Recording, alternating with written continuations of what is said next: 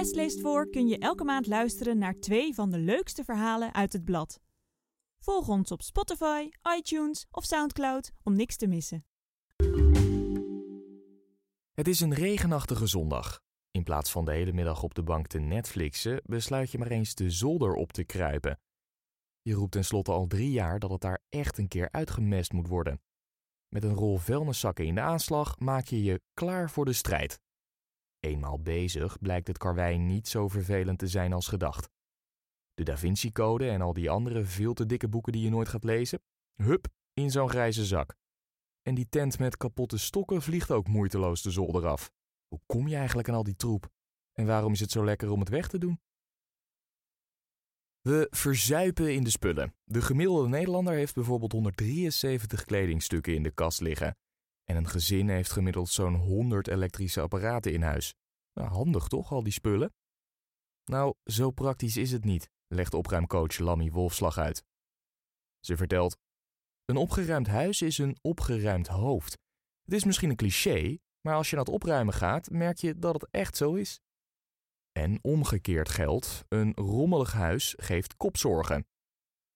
In 2010 ontdekten wetenschappers van de University of California uit de Verenigde Staten bijvoorbeeld dat vrouwen die hun huis als rommelig omschrijven meer stress ervaren dan vrouwen met een opgeruimde woning. En onderzoek van Princeton University, ook uit de VS, in 2011 toont aan dat al je rotzooi aandacht van je vraagt. Als er heel veel dingen in je gezichtsveld liggen, vallen je ogen onbewust op al die spullen. Je brein moet meer verwerken en je bent bezig met meer informatie dan nodig is. Daardoor concentreer je je slechter en ben je minder productief. Als je bijvoorbeeld aan een bureau moet werken met veel rommel en stapels papieren, ben je telkens afgeleid. Als je dat eerst opruimt, werk je effectiever. Dan gooi je alles toch in een doos op zolder, deur dicht en niemand die er last van heeft. Volgens Wolfslag werkt uit het oog, uit het hart niet met rotzooi. Ze vertelt: Je weet altijd dat je een zolder vol spullen hebt waar je ooit nog iets mee moet. Zolderspullen zijn ook heel andere voorwerpen dan woonkamerspullen. In de woonkamer liggen alledaagse dingen. Liggen je laptop en je sleutels op tafel als het tijd is om te gaan eten? Dan verplaats je die gewoon van de eettafel naar een kast of de salontafel. Wolfslag legt uit dat de zolder bedoeld is voor spullen die je één keer per jaar gebruikt, zoals de kerstballen en je skispullen. Wat de problemen geeft? Dat zijn de voorwerpen die je op zolder kwakt omdat je er nu niks meer mee doet, maar waarvan je denkt dat je dat ooit wel weer gaat doen. Schilderen vind je nu minder leuk, dus je doeken, kwasten en verf worden naar de zolder verbannen. Ze gaan niet weg, want misschien wil je over drie maanden wel weer verder met deze hobby. Het idee dat je er ooit nog wat mee moet doen, zorgt voor druk, legt Wolfslag uit. Je weet dat je dat half afgemaakte schilderij ooit moet afronden en dat je anders een beslissing moet gaan nemen of je de boel wegmikt of niet. Het lijkt alsof je de deur dicht kunt doen en er niks meer mee hoeft, maar het blijft toch op je drukken, vertelt ze. In het algemeen zouden we er dan ook goed aan doen om wat zaken het huis uit te gooien. Psycholoog Hein Zegers zegt hierover: Evolutionair is ons brein optimaal ontwikkeld voor een leven als nomadische jagers-verzamelaars. Het is gemaakt om rond te trekken in kleine gemeenschappen. Met hooguit zoveel spullen als we met ons kunnen meetorsen. Een rugzak vol, zeg maar. Een woning chockvol met duizenden objecten, ja, daar is ons hoofd gewoon niet op voorzien. We zouden vermoedelijk dus beter af zijn met minder spullen. Toch stouwen we ons huis vol met dingen die we amper gebruiken. Kleren die je niet meer draagt, speelgoed waar niemand meer mee speelt, en oude laptops of dvd-spelers waarvan je niet eens weet of ze nog werken. Zegers gaat verder.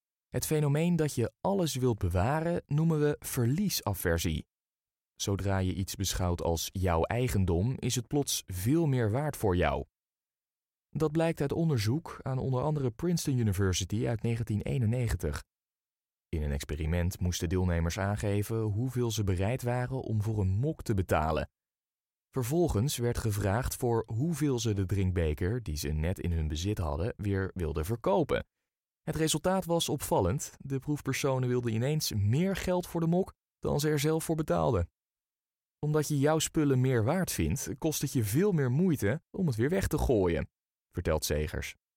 Resultaat: een chockvolle keukenkast en een zolder die zo vol staat dat je er zelf amper nog kunt lopen.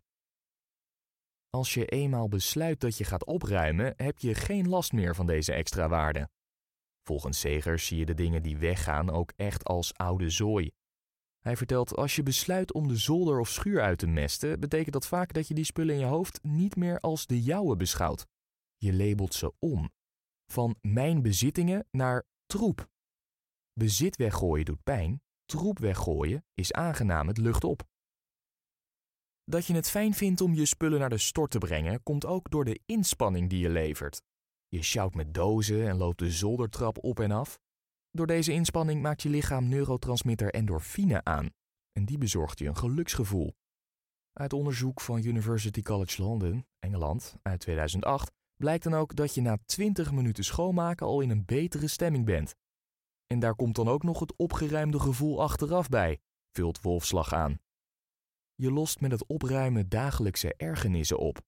Zo hoef je met een nette voorraadkast bijvoorbeeld niet bang te zijn dat de helft naar buiten valt als je de deur opentrekt. Wolfslag gaat verder, je hebt weer inzicht in welke spullen je allemaal hebt en waar ze liggen. Als je een kast opruimt kun je achteraf heel goed zien wat voor overzichtelijke plek je ervan hebt gemaakt. En dat geeft een gelukzalig gevoel. hartstikke leuk hoor, al die oude zooi wegkeilen, maar ergens is het toch zonde om je oude televisie weg te doen als die gewoon nog werkt. Jij kunt misschien een nieuwe hebben gekocht met een groter en scherper scherm, maar dat betekent niet dat dit exemplaar op de vuilnisbelt moet belanden. In zo'n geval is het nog fijner om hem te verkopen of weg te geven. Zegers legt uit: door je dingen te verkopen, weg te geven of naar een kringloopwinkel te brengen, heeft het wegdoen extra waarde. En dan bedoelt hij niet alleen geld. Zo ligt hij toe: je krijgt er ook het gevoel van zinvolheid bovenop. En het gezellige praatje op de rommelmarkt of bij de garageverkoop zorgt voor een gevoel van verbondenheid met je medemens. Win, win, win dus. Vandaar dat we per dag gemiddeld 350.000 nieuwe advertenties op marktplaats zetten. Gooi bij het uitmesten van de zolder dus niet alles zomaar in een vuilniszak.